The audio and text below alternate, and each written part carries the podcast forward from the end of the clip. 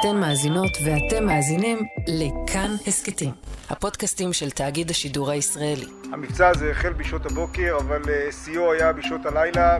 מחצית מעולי אתיופיה כבר עושה את דרכה באוויר לישראל. זה קרה לפני 30 שנה. ישראל יצאה למבצע הצלה נוסף של יהודים בארץ אחרת, הפעם אתיופיה. ב-1991, כ-15 אלף יהודים חיו באתיופיה בקהילות כפריות, ברעב, תחת שלטון רופף ומלחמת אזרחים שהתרחשה כל הזמן ברקע. השלטון עמד להתמוטט, והיה ברור שצריך לפעול עכשיו. אחרי מסע לחצים על הממשלה מכל מיני כיוונים, לכולם כבר היה ברור, אי אפשר להשאיר אותם שם לבד.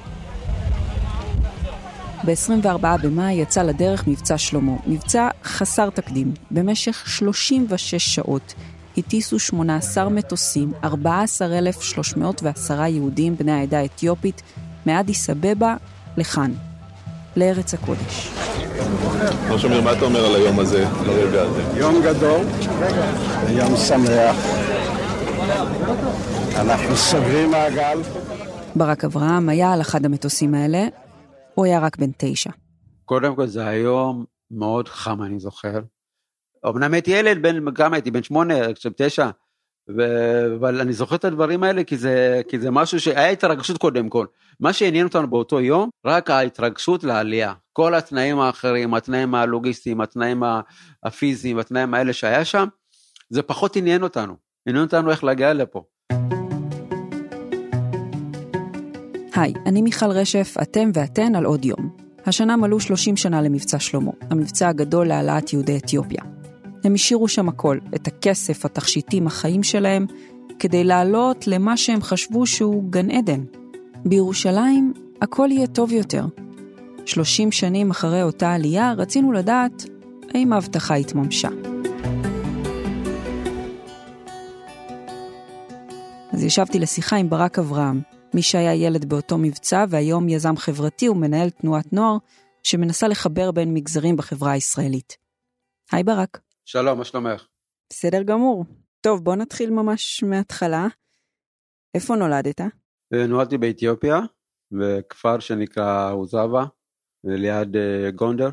וכשגדלת שם, מה אתה זוכר ממה שהמשפחה סיפרה לך על, על ארץ ישראל, על ירושלים? ואת האמת אני זוכר קודם כל את כל הסיפורים האלה על, על ירושלים, על החלום הזה בכלל אה, להגיע לפה. אני זוכר שהיינו מקבלים מצות. אז זה, זה הזיכרונות שלי מהילדות. כאילו היה מגיע מישראל מצות, והיינו מגמלים את זה בכפר, והיינו מחכים להם, ו... ו... כאילו איזושהי הוכחה לזה שהמקום הזה קיים. שהמקום קיים, שיש קשר. מה ידעת על ירושלים? ידעת איפה זה? ידעת איך היא נראית? מה, מה קורה שם? קודם כל זה החלום להגיע לפה. היה את המושג ירוסלם קודם כל, ולא, ולא ישראל, כי כולם הכירו את המושג ירוסלם. ומה שחשבנו פה, שהמדינה פה, שירוסלם זה, זה הסוג של גן עדן, שכולם הולכים עם בגדים לבנים, וכולם מתפללים כל היום, ו... ואף אחד לא צריך לעבוד, והכל טוב, וזה משהו חלום כזה, זה, זה כאילו זה סוג של אוטופיה כזה, ש, שחשבנו שהכל פה מושלם ונהדר מכל הבחינות. זה, זה היה החלום. וכמה זה היה שונה מחיי היום-יום באתיופיה? איך, איך הייתה נראית הילדות שלך? ילדות, אה, חיינו בכפר, ואת יודעת, בכפר אה, זה מנותק מהעיר, כמעט אין שם, אין שום תקשורת כמובן, ובאים, אוכלים מה שאתה מכין באותו יום, ויש לך את הפרות שלך ויש את העזים. אני זוכר שהייתי עוזר לסבא שלי, סבא שלי היה רועה צאן, והייתי עוזר לו ככה להביא לו את האוכל, הייתי הולך לשדה. שונה מאוד ממה שאנחנו מכירים עכשיו בעולם המודרני, זה עולם אחר לגמרי, זה, זה תקופת ימי הביניים, שלפעמים שרואים בסרטים, ותדמיינו עכשיו שאנחנו הגענו לעולם המודרני המטורף והתוסס, ושהכל זז מהר, ותחשוב איזה שתי ניגודים שונים, כאילו מה היה בילדות ומה פה עכשיו, זה דברים שונים לגמרי, כאילו צריך להבין לעומק מאיפה הגענו ומה, ואיפה נחתנו, וזה שתי עולמות שונים.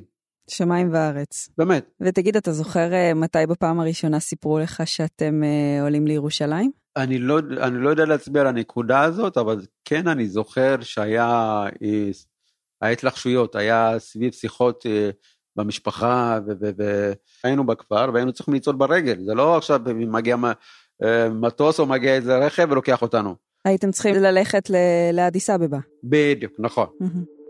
קודם כל היציאות היו בלילה, כדי שהשודדים לא יבואו וישדדו אותנו.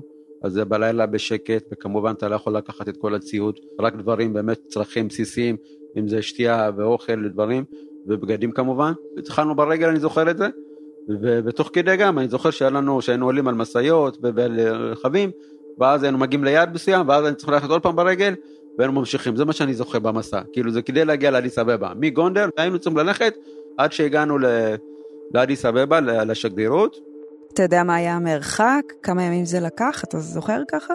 וואו, אני חושב, לפי דעתי זה חודשים. חודשים. כן, חודשים. וואו. זה לבוא לאיזה מקום מסוים, להיות איזה שבוע, לישון שם תקופה, או יומיים, ולהמשיך למסע. זה, עכשיו יש את הקלישאה, זה, זה סוג של יציאת מצרים. כאילו אתה בא, הולך, נח רגע, ועוד פעם יצא לעוד, לעוד לדרך, עד עד להגיע ליעד. כי היה שמועות הרי שיש את מבצע שלמה שהוא מתחיל. הרי באותה תקופה השלטון הקומוניסטי נפל, ואז היה שמועות שהעלייה נפתחה ל- לירושלים. ובגלל זה כל היהודים התחילו ללכת ברגל לכיוון אדיס אבבה, בעצם להגיע לשגרירות, ושם אה, להתחיל לתכנן את העלייה. אתה זוכר את היום הזה? בטח, בטח שאני זוכר. מה אתה זוכר ממנו? קודם כל זה היום מאוד חם, אני זוכר. היה מאוד צפוף. אנשים נדחסו ממש כמו באיצטדיונים בכדורגל, שלפעמים יש את האוהדים כזה מצטופפים, משהו כזה, אבל יותר גרוע. לעבור את, המשוכה ולהגיע לשדה תעופה, כדי שנעלה. וגם הציפייה גם, אני זוכר שחיכינו כל כך הרבה למטה. אני זוכר שלא לא היינו צריכים פה כסף בכלל בישראל, לא היינו צריכים כסף בירושלים.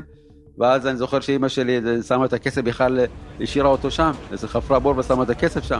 זה סיפורים שאני זוכר, וכמובן עם מה ששמו לנו את, ה, את המספרים האלה למצח כדי שיזכרו אותנו כמו סוג של, אה, כמו בצבא, אתם יודעים, התפקדות, אה, מספרי ברזל, אז זה היה שם לנו מספרים שיזכרו אותנו, וכמובן ההרקולס, אני זוכר, ההרקולס הגדול הזה היה פתוח, מטוס פתוח, לא היה לו כיסאות, לא היה לו כלום, ושמו אותנו שם, וכל פעם הביאו לנו איזה שתייה, מים, וגם במטוס היה ממש דחוס, אבל כולם היו שמחים. והמטוס נוחת בארץ, ומה קורה? קודם כל, אה, התרגשות אדירה. ההתרגשות אוחזת בכולם. יש המדברים כבר משפטים ראשונים בעברית. ברוך השם, כל הכבוד. אנחנו מנשקים את האדמה שבאנו אליה, וכמובן שאני זוכר שהיה שוק, כי ישר הגענו, ל... הגענו למרכז קליטה שנקרא מעגלים, ליד נתיבות. פתאום רואים דברים שהם... מהמם. זה עולם שונה לגמרי, זה שוק. כמובן, אני לא מדבר בכלל על השפה, שאין לנו שום שפה, אין לנו שום דבר, אנחנו מכירים רק את השפה האמרית. אה, והיה צריך ללמוד את השפה החדשה, ואת התרבות החדשה, ואת המנהגים החדשים. אתה זוכר את המפגש הראשון עם, אה, עם ישראלים, עם מישהו מפה, מישהו מ... אני יודעת מה, משרד הקליטה, או, או צה"ל, או מערכת החינוך, כלומר, את, את מי אתה זוכר? מי היה הבן אדם הראשון שפגשת? היה שם מישהו, אני חושב מנהל המרכז קליטה, אם אני זוכר, שכן, אה, אני זוכר לו, זה היה דמות שאני חושב שפגשנו בהתחלה, ו... אבל הזיכרון ממש שלי מה... מהתקופה הזאת, זה היה בבית ספר עם הילדים. ואני יכול להגיד שהילדים קיבלו אותי מאוד יפה. כן? כן, מאוד יפה, אה, מיוחד בנתניה, כי היינו מרכז קליטה בנתיבות, ואז עברנו לנתניה, אחרי שנה וחצי בערך. ואני זוכר בנתניה בכלל בבית ספר, ב- ביסודי, היה לי זיכרונות מאוד טובים. מהמם. הילדים מאוד, מאוד קיבלו אותי יפה, וגם היינו הולכים, אני זוכר שהם משחקים כדורגל כל פעם, וכל פעם היו אפילו רבים, מי ייקח אותי לבית, אה, להשוויץ לה- להורים שלהם.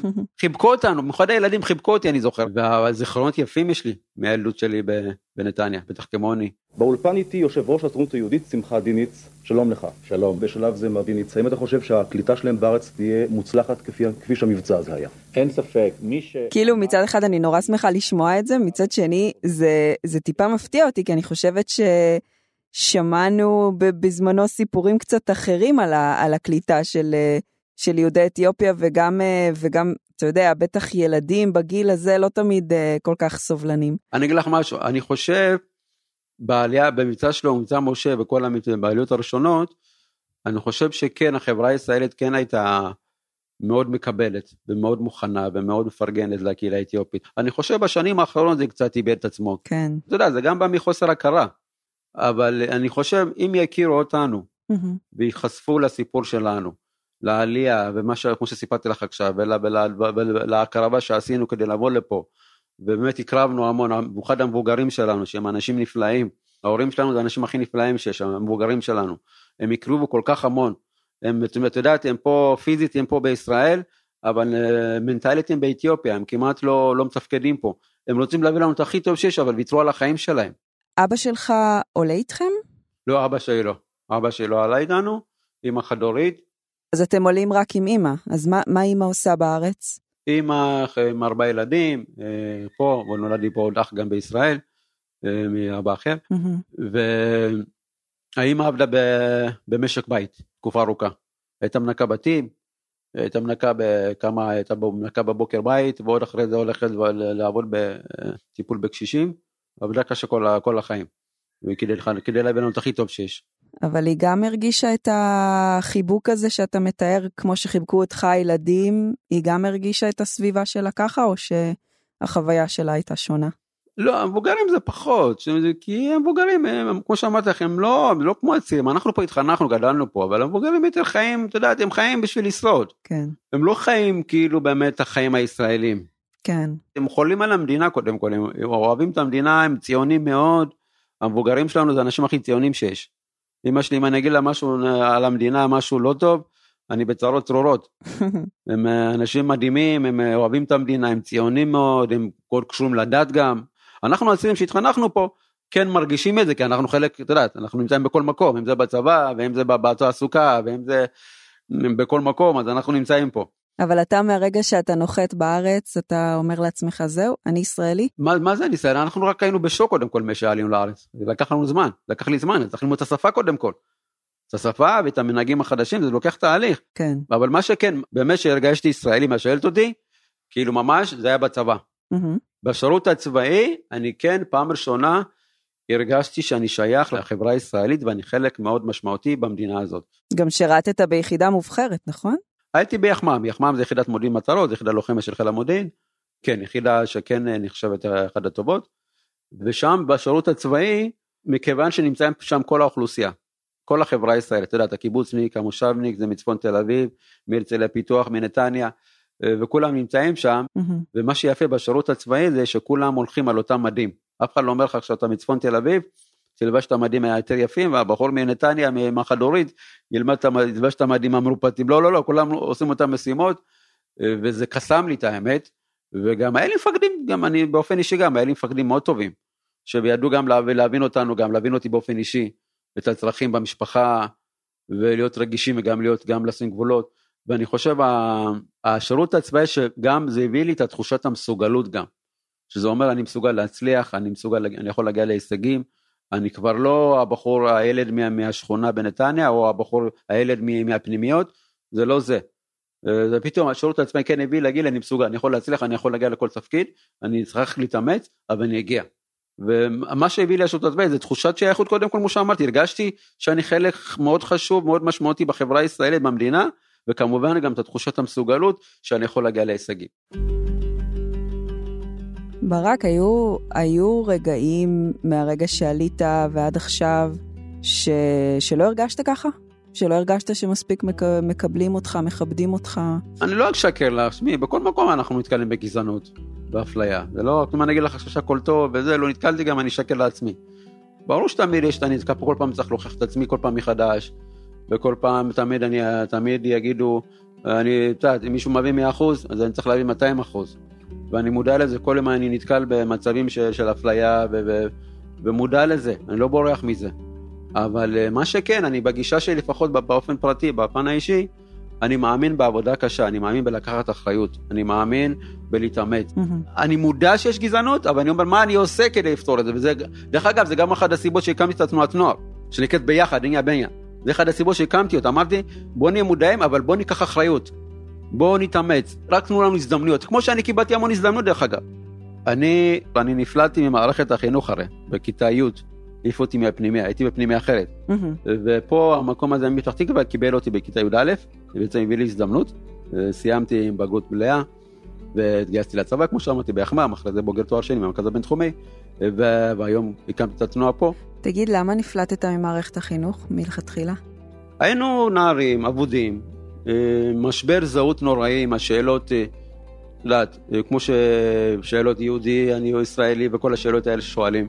המשבר הזה, שמוביל בסוף לבעיות התנהגות, וכמובן לבעיות לימודים בכלל זה היה גם לא אופציה. הרי לב ליבו של העניין, מה שקורה פה עכשיו, זה הנושא של המשבר זהות. ואם אנחנו נצליח בסוף להתגבר על זה, גם עכשיו בתקופה הזאת, זו הסיבה גם שאמרתי, אני רוצה להתעסק בצעירים, בנוער, בדור הצעיר, כי ברגע שהם יהיו גאים במדינה, יהיו גאים להיות ישראלים, יהודים, ויהיה להם את הגאווה הישראלית כמו שיש לי את הגאווה הישראליות, וזה מה שאני רוצה גם, שיהיו גאים במדינה הזאת ויהיו שייכים, יהיו חלק מהמדינה הזאת, חלק מאוד משמעותי, גם הדור הצעיר. ספר קצת על התנועת נוער, מה, מה אתם עושים? אז התנועת נוער קודם כל שנקראת ביחד, נהיה בניה ביחד, זו תנועת נוער כבר שקיימת כבר uh, מ-2019, 2017 הקמתי אותה, ב-2019 התחילה הפעילות שלה, uh, ככה הסניף הראשון נפתח, היום בפתח תקווה, בכפר הנוער של עמית, שאני גם למדתי בו, uh, וזה אחת הסיבות שהקמתי את התנועה בכפר הנוער עמית, זה בגלל שהייתי בוגר של, של הכפר נוער, ואמרתי אני רוצה להעניק הזדמנות לנערים האלה. באמת הולך דברים מדהימים, אנחנו מתעסקים בתוך, בחיבורים, בהעצמה, במנהיגות, ואני אפרט. חיבורים קודם כל, אנחנו מאמינים קודם כל כדי חיבורים של כל החברה הישראלית. בעצם לעשות מפגשים, ואחד הדברים שאנחנו עושים דרך אגב, התנועה שלנו גם עושה מפגשים עם תנועות נוער האחרות, כמו האיחוד החקלאי של המושבים, או הצופים, או בני עקיבא, עושים מפגשים כדי להכיר אחד את השני, זה חיבורים, העצמה קודם כל להעצים אותם, להכין אותם לחיים האמיתיים, שזה אומר לפתוח אותם לשוק התעסוקה העתידי, הייטק, אה, טכנולוגיה, סייבר, כל הדברים האלה, אני עושים מלא שיתופי פעולה עם חברות סייבר, עם הייטק, ומלא רוצים לשתף איתנו פעולה, ויש פה אנשים, יש אנשים מדהימים דרך אגב. Mm-hmm. פתאום אני נחשף לזה פשוט בצורה מדהימה. כי כשפרסמתי על התנועה למשל, באיזה, באיזה רשת חברתית, התגובות שקיבלתי מה, מהמנכ"לים והבעלים של חברות הייטק, מדהים, הם רוצים לשתף פעולה, הם רוצים לסייע, הם רוצים להיות שותפים. ולמה? כי אנחנו אומרים, בואו רוצים לקחת אחריות בתנועה. וזה בסופו של דבר, זה טוב למדינה, זה טוב לחברה הישראלית. כי הנער הזה, בסוף שהוא יצליח, הוא יהיה אה, אזרח יצרן, הוא ישלם מיסים, במקום שהוא יהיה ברווחה, והוא, את יודעת, בכל החיים אחרי זה, במעגל הזה, בחיים הוא לא יצא ממנו, וגם המשפחה שלו, והילדים שלו בעזרת השם גם, יהיו יצרנים. וזו המטרה שלנו בתנועה. ואני מאמין שצריך להתחיל את זה מלמטה, מהחינוך מלמטה. דרך תנועות נוער, דרך התנדבות, לא רק לקבל. גם אני אומר להם, גם תיתנו בחזרה לחברה. למשל, סתם דוגמה למשל, בכל התקופה האחרונה של הקורונה, גייסנו תקציבים ועשינו חלוקת מזון למשפחות בתקופת הקורונה, בפתח תקווה, בכל מקום. גם מנהיגות, שיקחו אחריות וייתנו לחברה הישראלית בחזרה. אז ברק, מצד אחד, אתה יודע, אתה, אתה מתאר את החוויה שלך, וגם, וגם אנחנו רואים יותר ויותר בני העדה האתיופית משתלבים בכל מיני תפקידי מפתח ובכל מיני מקומות, בין אם זה מפקד אה, תחנת משטרה ראשון מהעדה או, או בצה"ל. ומצד שני, אתה יודע, אנחנו כן אה, ראינו ב-2015 את ההפגנות. הפגנת יוצאי אתיופיה שנמשכת כבר משהו כמו שש שעות אה, והידרדרה בדקות האחרונות לאלימות של ממש, לעימותים בין השוטרים למפגינים. ועדיין יש התקלויות של שוטרים עם בני העדה האתיופית שלא מסתיימים טוב. איך אני בפרספקטיבה ככה של 30 שנה אחורה, איך אתה רואה את ההשתלבות של בני העדה האתיופית בחברה הישראלית? כמו שאמרת, יש, יש הצלחות ויש גם, אה, גם קושי, אני לא, לא נברח מזה. אבל אם, אם את שואלת אותי באמת, אה, לצד זה שיש באמת הקושי, ש, שהרבה צעירים, הרבה בני נוער למשל, הם נתקלים המון ב... אם זה, את יודעת, כל מיני דברים שהם לא אשמים בדרך כלל, אבל לפעמים מאשימים אותם שהם לא עשו דברים. אם זה לפעמים אה, אלימות משטרתית יתר לפעמים, שזה קורה. את שבאים בגישות לא נעימות לנערים, ואז הנערים אה, מקבלים, את יודעת, ומחזירים בחזרה, ונפתח להם תיקים, ובסוף מה קורה, נכנס לכלא, כלא, ואז המצב, את יודעת, מידרדר, מידרדר, אי אפשר לצאת מזה. ואני חושב פה כן, אה, החברה צריכה להבין אותם, ש, שלפעמים צריך איפוק, צריך גישה אולי קצת יותר שונה לנערים, לבני נוער. לא לבוא להגיד להם, אה, אתה יודע, לתקוף אותם כאילו בצורה מאוד אגרסיבית, שהם בסוף תוקפים בחזרה, ובסוף, אתה יודע, אנחנו לא יודעים איך זה נגמר בסוף. זה, לא, זה בטוח לא, לא, לא לטובת הנער, הנוער בטוח הפסיד. Mm-hmm. גם המשטרה לפי דעתי מודה בזה. מודה בזה והיא עושה תהליך יפה דרך אגב. הם מתחילים תהליך, נכון שיש הרבה עבודה, אבל אני חושב פה צריך לעשות עבודה, לא לפתוח תיקים ולא תיקים פליליים ישר, שבסוף יהרוס את העתיד של הנער או הנערה. באיזה עוד uh, תחומים אתה חושב שצריך עוד uh, לשפר, שיש עוד דרך, uh, שיש עוד מה לעשות? בתחום החינוך למשל, אוניברסיטאות למשל, לפתוח uh, הזדמנויות, אני מאמין בהזדמנויות, למשל, דוגמה, אני אקח את הסיפור שלי, אני יודע שהמרכז הבינתחומי בהרצליה פתח לי הזדמנות, וברור שניצלתי את ההזדמנות הזאת. הוא לך, הוא רק מביא לך הזדמנות, בתוך האקדמיה אין הנחות. אתה נכנס לאקדמיה אתה כמו כולם. אבל לפחות שמי שקיבל הזדמנות, הצליח, וואלה, כמו שאני עשיתי והצלחתי, ובסוף גם המשכתי תואר שני, מעולה. מי שלא הצליח, לא קרה כלום, אבל לפחות להביא הזדמנות. לא כבר מראש למנוע ממנו, לא רק באקדמיה, גם בתעסוקה, מקומות עבודה. גם לקבל את העובד, גם אם הנתונים שלו פחות, נראה לכם, תקבלו אותו. תאמינו לי, אתם תקבלו עובד יותר טוב. למה? כי ירצו להוכיח את עצמו. אז יש לנו הרבה עבודה בתעסוקה שצריך לשפר. בסופו של דבר, ברגע שיש גיוון תעסוקתי, ומקבלים יותר אנשים יוצאי אתיופיה בכלל, החברה, גם דרך אגב, גם מחקרים מוכיחים את זה, גם מבחינה כלכלית היא צומחת. כי הארגון יותר פורה, יותר uh, פתאום יש לו הרבה דינמיקות קבוצתיות, והצוותים יותר uh, מאשרים אחד את השני, יש, יש חשיבה מחוץ לקופסה. ולפעמים אפילו נגיד סתם דוגמה, לא יודע מה, סתם אחד יוצא אתיופיה מבוגר נתקע בשפה. עכשיו אתה יכול לעובד את העובד שלך להגיד לדבר איתו, במקום לוותר על הכוח הזה. אתה מאמין שהשינוי הזה יגיע מלמטה, או גם מלמעלה? ביחד, גם וגם. ביחד. גם וגם, כן, גם אה, מדיניות וכמובן גם מלמטה. כן. ברק אברהם, תודה רבה. תודה, תודה לך, תודה. האזנתם לפרק של עוד יום, ערך והקליט דניאל אופיר. עיצוב פסקול רחל רפאלי. נספר לכם שהחל מהיום תשודר בחדשות הערב בכאן 11 סדרת הכתבות משפט שלמה של ויקו אטואן, לרגל 30 שנה למבצע הזה. על החוויות של העולים, ההשתלבות וגם על הדור הבא. אני כבר ראיתי כמה פרקים, היא מומלצת בחום. ולגבינו, אם אהבתם את הפרק או יש לכם הערות על מה שאמרנו, אתם מוזמנים ומוזמנות לכתוב בקבוצת הפודקאסטים שלנו כאן הסכתים. תוכלו לכתוב גם בדף של כאן חדשות בפייסבוק או בחשבון שלי מיכל רשף בפייסבוק או בטוויטר. ואם תשתפו את הפרק עם עוד אנשים, זה בכלל יהיה נפלא. הסכתים נוספים מבית כאן חדשות תוכלו למצוא באפליקציית הפודקאסטים האהובה עליכם, באתר שלנו וגם בספוטיפיי. ויש לנו גם יישומון רכב חדש. נסו אותנו גם שם. אני מיכל רשף, נשתמע.